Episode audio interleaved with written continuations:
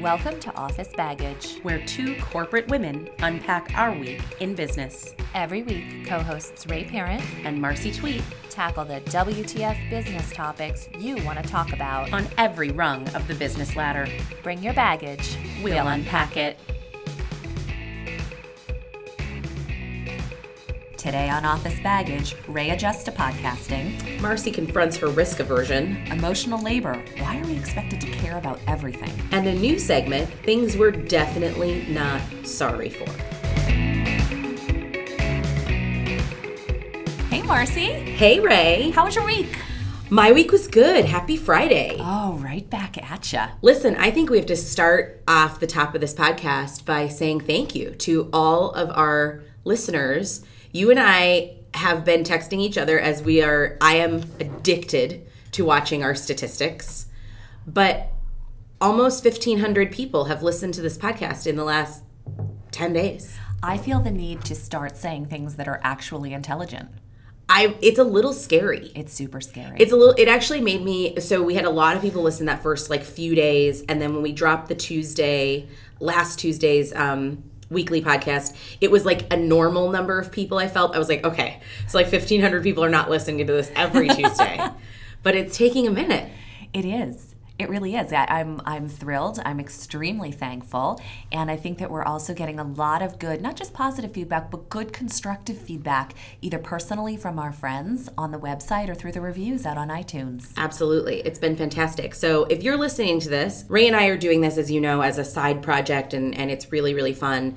Um, but we'd love for you to review us. So if you're listening to our podcast, click on reviews on iTunes or Stitcher or wherever you're listening and write us a little review. We would super appreciate that so that other people see us in their feeds, which is great. And if you're taking the time to listen, we're obviously very grateful for that, but we want to know what you want to talk about. So please don't hesitate to drop us an email or a comment on our website, officebaggage.com. The funny thing is, you were not a podcast person before we decided to do this. So, as we've discussed before, I am a Gen Xer, not on the cusp, and Marcy is a millennial, though she likes to say she is on the cusp. I'm a cusper. And so, when Marcy first brought up the idea of podcasting, what went through my head was, is that still a thing? I better go, like, look at some and educate myself. So, I got addicted to a couple. Um, I, I love Make Me Smart and Call Your Girlfriend. And there's a parenting one called The Shortest Longest Time or The Longest Shortest Time Oh, I have friends who love that. right really really good and i'm i'm addicted you know it's it's oddly voyeuristic It's incredibly voyeuristic. And a friend sent us this article from The Atlantic called Podcasts Are the New Xanax. And I just loved this because it actually is really true, where she said, this article, the writer says, as a mother of three with a full time job, podcasts give me the illusion of having a vibrant social life. I'm constantly meeting new people. My favorite hosts start to seem like friends. And it really is. I mean, I Make Me Smart is one of my favorite. And like, I referred to Kai Ryssdal in a conversation this week as Kai. Like, and, and in a legitimate, like, PR conversation for my company. I was like, well, we should reach out to Kai and ask him. And it was like, because I know him and I listen to him every day. but it does make you feel like you're sitting in a room with people having a conversation with them but the pressure to say something intelligent kind of isn't there at all Yeah. you can listen from you know the bathtub and shout things into the conversation and if it's a total non sequitur mm-hmm. doesn't matter Do you, all of my friends are saying how much they can't wait to meet you? Because they're like, oh my God, she's so funny. Like, I can't wait to meet her. So it's weird because they know me, but not you. And I think vice versa. So it's fun for, for all of our, our people that know us in person. mine have said mine have said the same thing So, what else is up with you this week? This was kind of a challenging school week. It was Yeah. a challenging school week. It was a board of directors meeting uh, at work, and those go over two days. What I didn't realize was that they were actually hosting the board of directors meeting in our office building. We mm. host them in different locations. This one was in our office building, and the boardroom is literally two doors down from me. So, like every time I had to go to the ladies' room, I practically needed a retina scan and a pat down to get back into my office. I'm like, oh, Wow. I'm going to go work from somewhere else today, but I'm, I'm glad all that drama is over. Yeah. Now, you had an exciting week this week, too, right? It Big has- news on the home front? It has been an exciting week, and um, I have permission from my husband to talk about this, so it's interesting. So, my husband um, has been job searching for, gosh, since late last fall, like November, December time period. He was a part of um, a major layoff of an executive level team at a major Fortune 500, um, which was actually kind of a blessing in disguise. So, my husband finished his MBA last June and I started mine in September and he was looking to make a change in his career anyway. So we've been through this whole process and you know when it rains it pours. So he's been through interview after interview and this week he finally has two offers on the table on the same week. Same week, literally same day. Like same day offers and we sort of knew it was coming like the, you know you get to the point in interview processes where you're sort of right there uh, almost to go over the offer thing. So we thought well you know one or one or the other will show up and it turns out they both did. And he and I are navigating a you know marital stuff. Not we're certainly not fighting about this but we have very different views on which offer he should take. Why? One of the offers is from a corporation um, smaller corporate not fortune uh, 100 but uh, very good company, very stable. Um, corporate, a job he knows he can do that he's really excited about, well paying, um, really sort of clear, right? And like, I admittedly am a corporate drone. Like, I love corporate. I love it. It's predictable. You know exactly what you're, you know, all of these things. And, you know, in interviewing with this company, um, the person who is, I think, president of the main region, like seven years ago, was manager level. So it's a company that is very clear that they advance people quickly, that you work hard, you know the rules, you play well, you get a, get the next job, the next job, the next job. So I go, okay, I know the rules of that company. That sounds great. You have a clear path for advancement. That's the company. The other company is a very, very fast growing consulting firm, um, strategy consulting, tech consulting, exactly what Charlie wants to do, but really non traditional.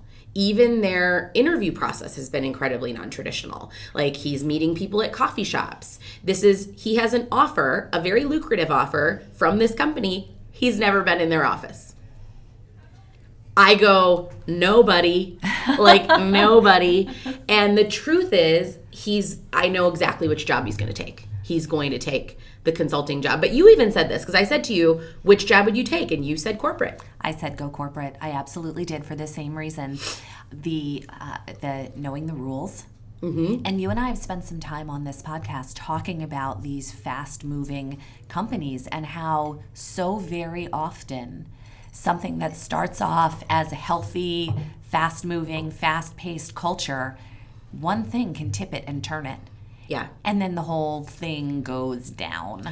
And I feel it's interesting because this company, um, the people who run this company, without saying too much, have come from running McKinsey's, Boston's, Deloitte's. They're big dog consultants who have left to start this consulting company. Well, that's very good. And they've got a boat ton of money they have a lot of great people. And when you read their board list, it's incredibly impressive. So they've got the right, like, I feel at least that they're not this like crazy startup, especially that they are a band of lawyers too, mm. which is mm. part of the the thing. But it's interesting to me because you and I have both been in consulting. And Charlie's grown up his entire career in corporate and legal and he doesn't know what it's like. I'm like, you need to understand, like, you've never had to work 80 hours a week.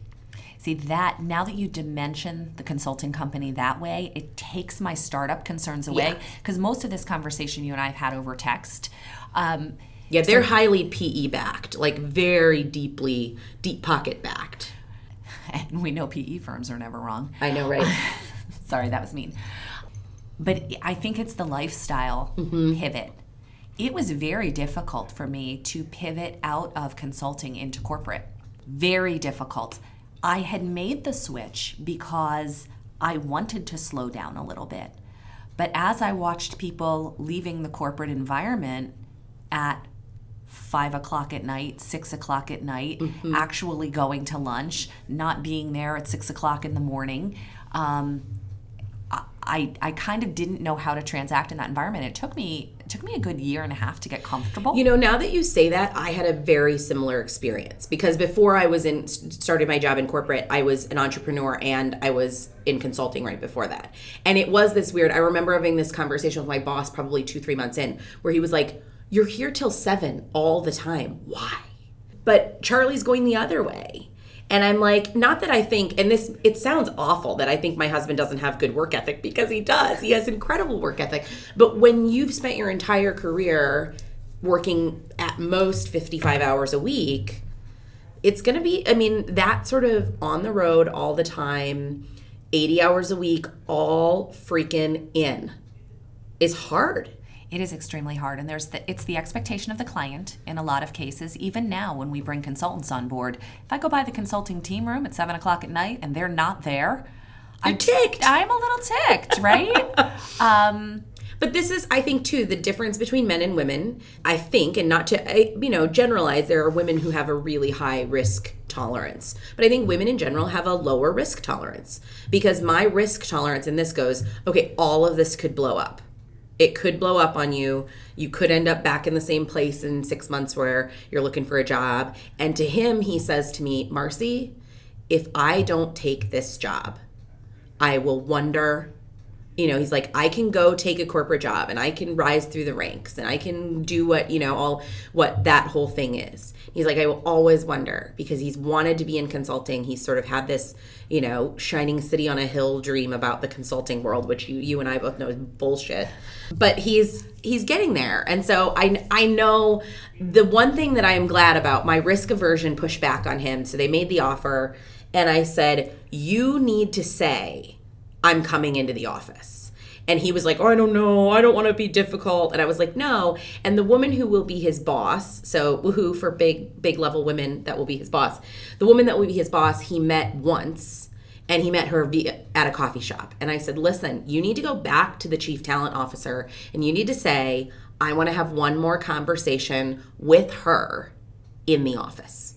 And so today, in like an hour, he is he said that he wrote the email back and said, you know, here's what I would request. And they said, no problem. And she happens to be in the office today and they're open to, because it's Good Friday today. So they're open today, which is great.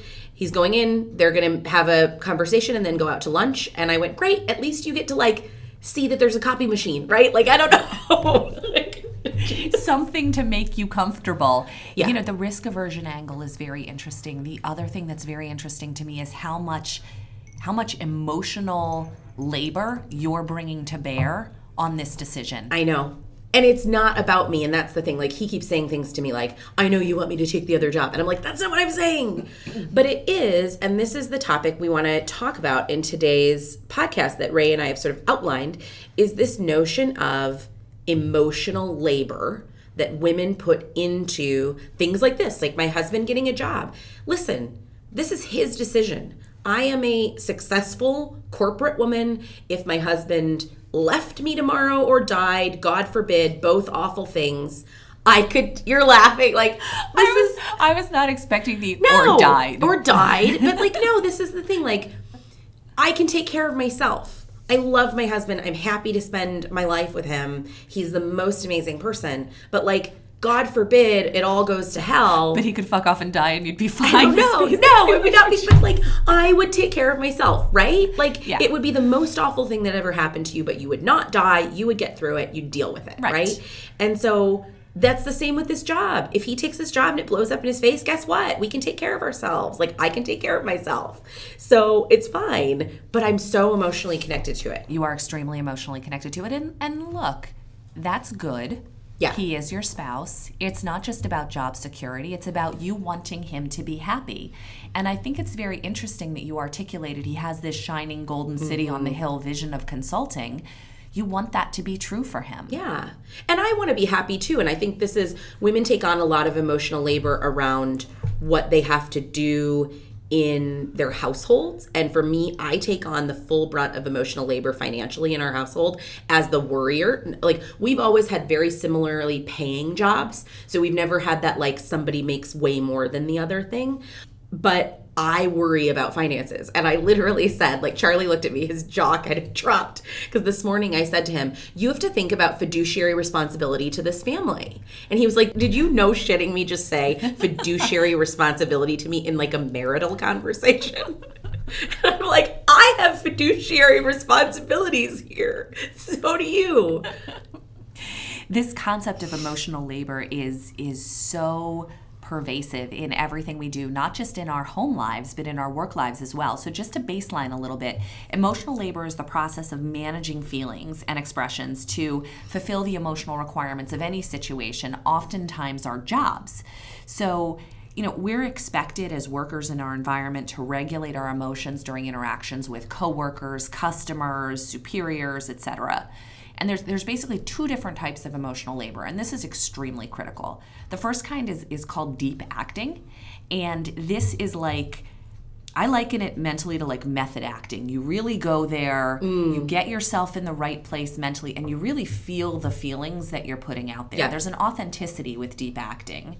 And then there's surface acting, which is basically faking it.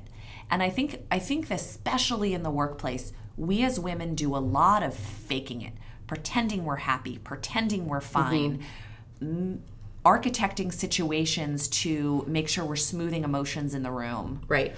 I loved this definition. Emotional labor is the exertion of energy for the purpose of addressing people's feelings, making people comfortable, or living up to social expectations. It is called emotional labor because it ends up using and often draining our emotional resources. You know, tied up in this is this concept of emotional dissonance, and that's what happens when there's a rub connected between who you are authentically and the way you're behaving Absolutely. by that definition. It's stressful. It wears you out and it's stressful. Faking it is incredibly stressful. When you're not having an authentic interaction with somebody and you're having to do that for a long, a prolonged period of time, it's really hard and it will drain you mentally and emotionally. And it's not just about having that less than authentic interaction with one person, it's about it being something that happens throughout the day. And I get really keyed up about this. This is where the title of the podcast comes from. You know, I, I- say this all the time. People treat me like I should give a fuck about everything. This is the wait, we forgot to do the disclaimer. This episode, if you've got kids in the car, we marked this episode explicit because the name of the episode is Bottomless Bucket of Fucks. So, you know, might now might be the time to shoo the kids out of the room because the F word's about to get thrown around. But you're right. People expect you to give a fuck. My care and concern are a commodity. And like any commodity, finite and it has value. Yeah. I don't have an endless supply of fucks to give about stuff. I can't just give a fuck about everything. I do not have a, a bottomless bucket of fucks that I just carry down the hallowed halls of my company, tossing a fuck to everybody who thinks they have earned one. Yeah. If you really, really deserve my care and concern, I will give it. I said this so a couple of weeks ago we had come to school. I don't know if it was two weeks ago or four weeks ago.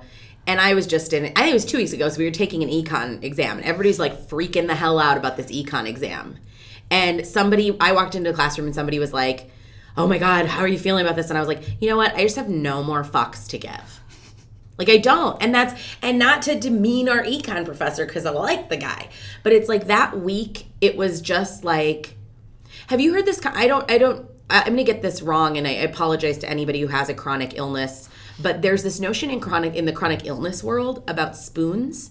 Do you know this? I haven't heard this. Okay, so um, again, I'm gonna get this wrong, but I'll find it and link it. But um, I have a really good friend who is who runs a website called Chronic Babe, and she is she has a chronic illness and she sort of advocates for women with chronic illnesses. And there's this notion of every day when you have a chronic illness, you get a certain number of spoons, and you have to decide how to use your spoons. You know, like uh, walking to your car costs you a spoon, and going to the gym costs you a bunch of spoons, and all these kinds of things. And so to me, it's like at the beginning of the week, I get a bucket of fucks, and there's only so many fucks in the bucket, right?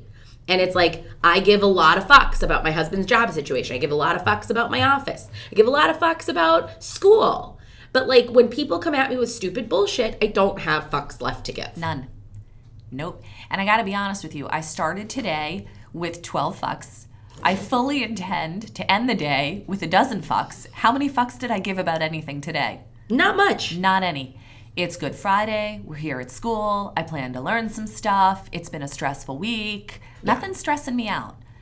Um, Aaron and I had this conversation last night. Uh, this is a weekend where it feels good to be away, but it's a weekend, and, and not knowing we were recording this episode today, she said, I need to fill my bucket. And I just started to giggle. Yeah. And I told her about I told her about bucket of fucks. And she was like, That's so funny. I never thought of it that way. I don't think Aaron's ever said the F word, so It's so funny. She's so sweet. But no, it's this notion. I think there is a price of emotional labor. And, you know, every time that we sort of hold on to these emotional issues, that we are expected to be the ones who care about it. Like women are expected to be the ones who take care of our mothers and our mother in laws and the ones who think about our families and think about all this stuff. And and I think it is true again without demonizing men that they don't carry the same weight of emotional labor as we do through their everyday lives. They absolutely don't. And we make excuses for it. You hear things all the time, naturally or biologically or according to neuroscience, women are more prone to utilize that part of their brain. Women are naturally better at empathy. The male brain is wired for sex, the female brain is wired for connection. Men are biologically driven to procreate with many women rather than establishing bonds, deep emotional bonds with one monogamous partner. Like, mm-hmm. okay, yeah, but does that mean that we're letting men off the hook? Or for those men who are more tied in to their emotions and who are a little bit more geared at building those deeper bonds, are we making it unsafe for them to do so? Well, and are we demonizing women who don't as well? There is this notion, and I even find it in, um, you know, the the process of going through an MBA program means making a lot of new friends, and it means probably for the first time for a lot of us making new opposite sex friends outside of a work environment and outside of like a college environment. So it's been a long time since a lot of us has made these opposite sex friends, and I find myself sometimes feeling like I have to like proverbial proverbially pat our male friends on the head like how are you? Oh that must be so hard for you. You know all of that kind of stuff that it's like if i don't do that then i'm having a bad day. Or marcy was in a bad mood this week. Or you know it's all that kind of stuff. Like it's not my job to emotionally hold you up. Right. And it manifests in everything from the some of the natural coddling that we do to, you know, uh, make sure we laugh at his joke or it's a lot especially when they retell a joke that we already told that was funnier when we told it. That, that happens was to me all the time. that was on some list that we were looking at of emotional labor of you know men who retell women's jokes and and and re restate their ideas and all of the things that go along with that it's all a part of this notion of emotional labor Well, it, there's this idea. It started a long time ago, um, and if I were you, I'd have the exact article and the exact date. But it, but it talked about how women are uh, who handle the child care burden at home or or the housework burden at home. Um, it's a form of labor that they don't get compensated for. And I thought it would be really funny if we had like a list of an emotional labor menu. Like every time I laugh at a joke that some dude tells that isn't funny just because that's He easier than money. having a bruised ego, like 50 bucks. I think it's interesting because when you identify it, it's really um, it's it's really powerful. And before Charlie and I got married, it's funny. So in my first marriage, I went through the like Catholic marriage prep crap, which is ridiculous and no one should ever do. Um, anyway whatever. And but when charlie and i were getting married we're not religious in in any way. You know i thought what should we do? Like should we do some sort of like marriage prep thing? So we actually bought a few books and we read some books. And one of the books that has served us well is this book called Spousonomics and it is it's now she's actually re, it's funny i went to look for the link and she's actually retitled it um, it's by a woman named paula Szuchman and the original title that we read was Spousonomics using economics to master love marriage and the dirty dishes And the new name of the book is It's Not About You, It's the Dishes How to Minimize Conflict and Maximize Happiness in Your Relationship. And what it talks about is creating, we often talk about wanting to create a marriage of equals and having that like 50 50 split. And what Paula talks about in her book is this notion of that's not realistic. You actually have to look at your marriage as an economics problem of who is better at something than the other.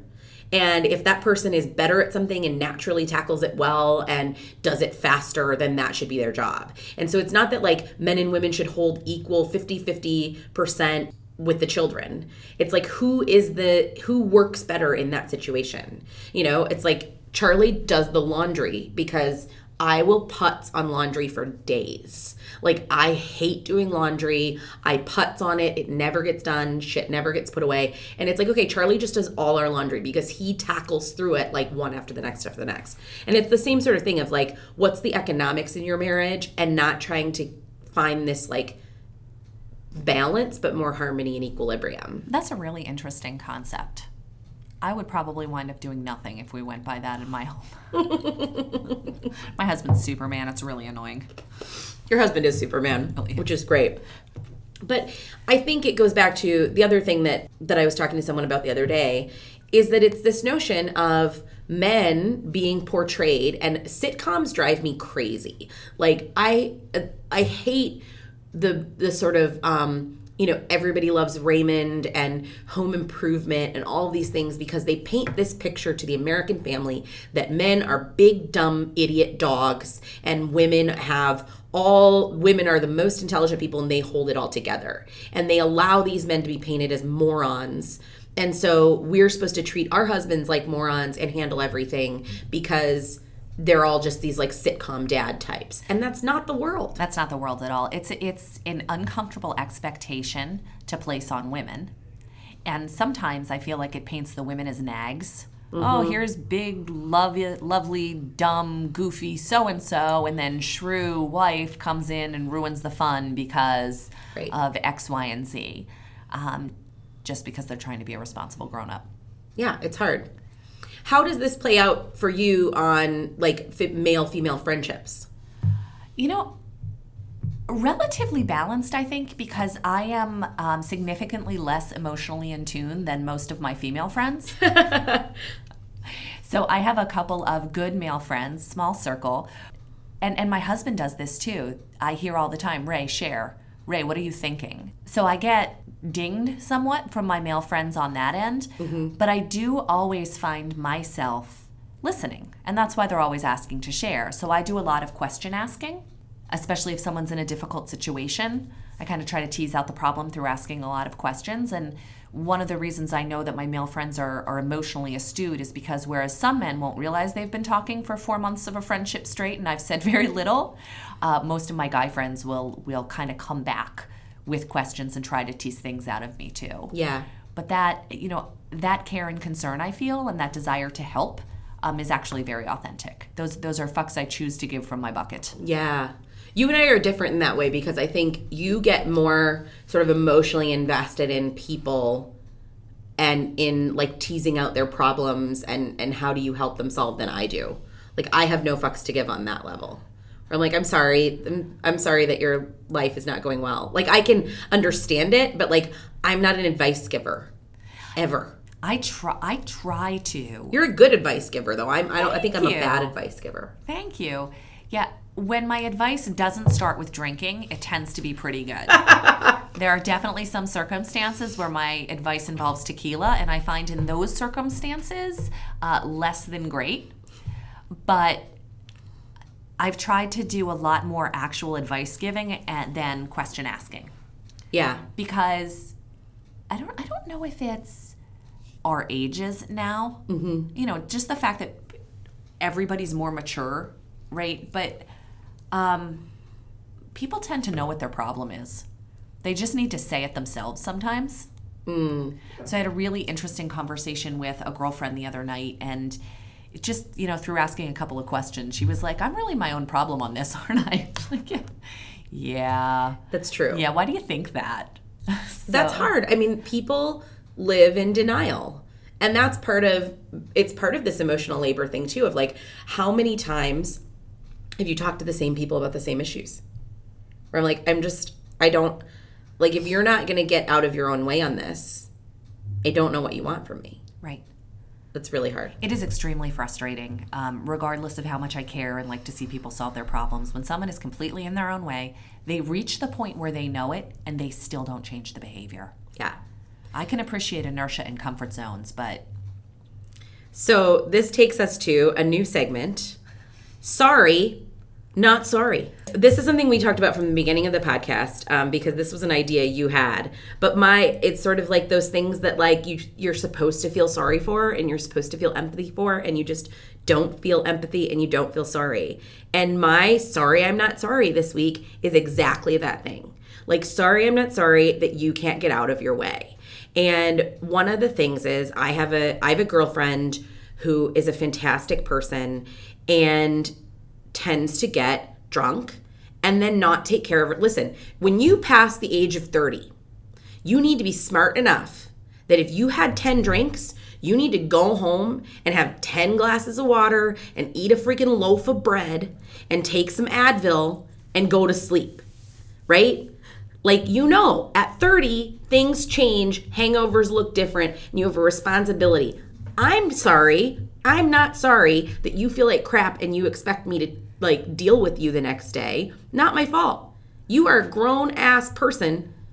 Go home, drink some water, take some Advil, and go to sleep. And if you can't do that, if you're the kind of person who gets like psychotically hungover, then don't drink 10 drinks. don't drink 10 drinks. Sorry, not sorry. And don't ask me to cover your ass. I will do that once. No way. Listen, You'll do it no Early- times. you know. I'll do it once. early in this pro early in our MBA program, I had a night where I got so drunk, like it was ridiculous, you know, whatever. I didn't do anything stupid or say anything stupid. I think I was just over the top. And I felt like crap the next morning, but guess whose problem that is? Mine. Like I showed up at class, I did what I was supposed to do. And so it's like I had this, you know, middle of last week, one of a good friend of mine got a little too drunk on a late night and it's like none of my business, dude. And her response was like, "Why didn't you make me drink more water? Why didn't you?" And it's like, "Cuz I'm not your mom." I really admire that because I do. St- we, you make jokes all the time about how I'm ride or die until 9 p.m. and then I turn into grandma. You are. That's my. That is my. I'm gonna get you the T-shirt. I am ride or die until about nine o'clock. But I fall into that role. I mm-hmm. very much fall into that role where I like I always know where everybody in the group is and did they drink too much and do they need a glass of water and Yeah. I, I need to do that a little bit less, I think. Yeah. It's one of those things like we I was on a trip with someone a while ago and they got a little drunk and I was texting another friend and I was like so and so got a little drunk uh, or got really drunk and she said like did you get her to her hotel room? It's like no, she got off on the floor of her hotel room, none of my goddamn business. And our friend literally called her hotel room to like make sure she was in her hotel room. It was okay. And I was like, and she wasn't even there. She was like a thousand miles away. Called and said like, just wanted to make sure you're okay because Marcy said you got a little drunk. And it's like, it's none of my business. That's like if you fall down in the hallway, that's your business, not mine. Take care of your damn self. I'm such an awful human. You're not an awful I'm an awful awful person. No, you're not. Because the answer is like, if she got raped and murdered, I would feel bad. If she got raped and murdered, it actually wouldn't be about you. That's true. Point. Um, But I would feel bad that I didn't like, you know, Yeah. walk her to her hotel hotel room, whatever. So my sorry not sorry moment for the week. I first of all, I have a thousand sorry not sorry moments with my kids. like a thousand. I've told you this. I am actually going to write a book series. I think you need to write a book series. I love book it. series. Like, sorry, I'm not sorry you got hurt. I told you not to fucking touch that. You know. my son with the goddamn waffle iron at the Hampton Inn. Like, I know it looks cute, buddy. Don't touch it. It's hot. He's fine. He's totally fine. I'm not a bad mom. Um, there was a meeting at work this week, and one of the gentlemen was making a point horribly, not Sean Spicer horribly, but horribly. Um, he was in territory he shouldn't have been in. And typically, what I do, given my role in those meetings, in those moments, is smooth things over, get extract people from the difficult situation they're in, change the topic. Because if I don't have people in emotionally good space, they're not going to be productive. Right? It kind of comes back to this whole emotional dissonance thing. So I got to kind of diffuse the tension. Out. I just didn't care. This guy's an asshole. He's constantly stepping on things. So he got himself backed into a corner. His ego was bruised. He kept looking at me like, extract, extract. And I was playing on my phone. Sorry. I'm not sorry. Not sorry.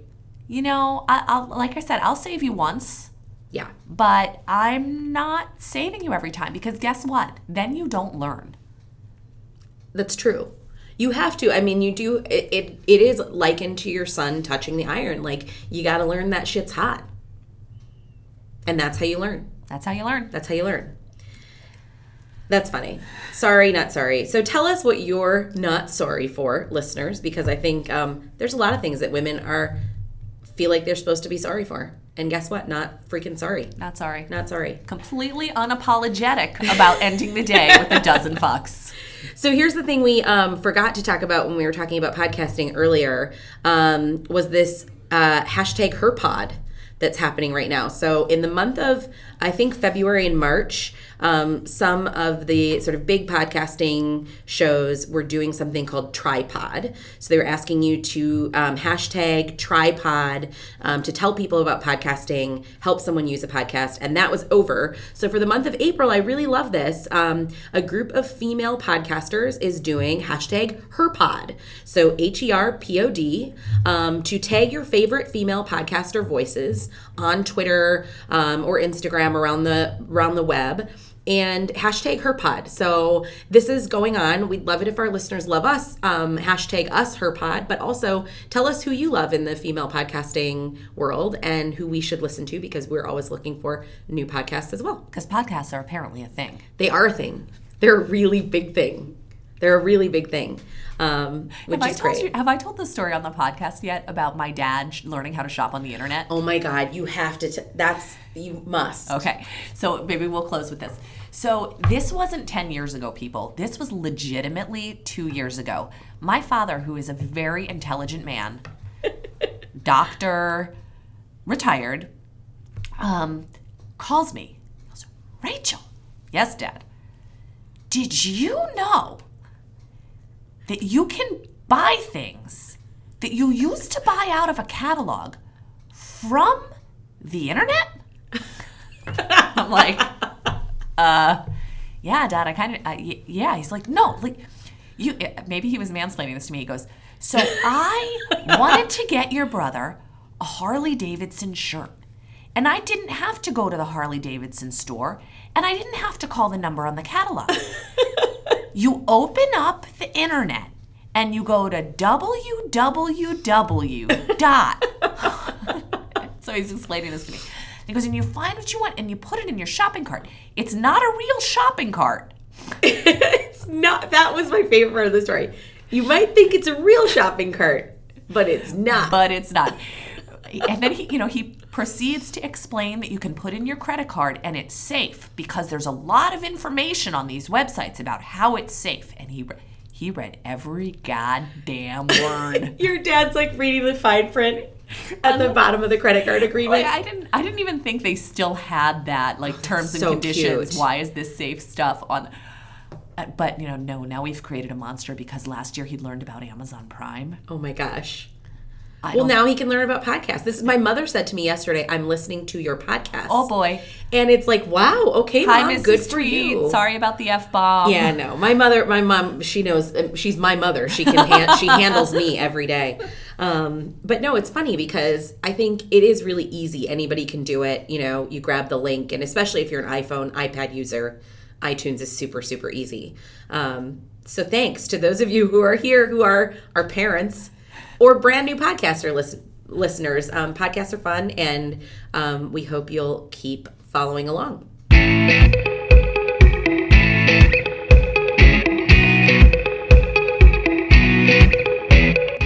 Next week on Office Baggage, we're talking about women, power, and language.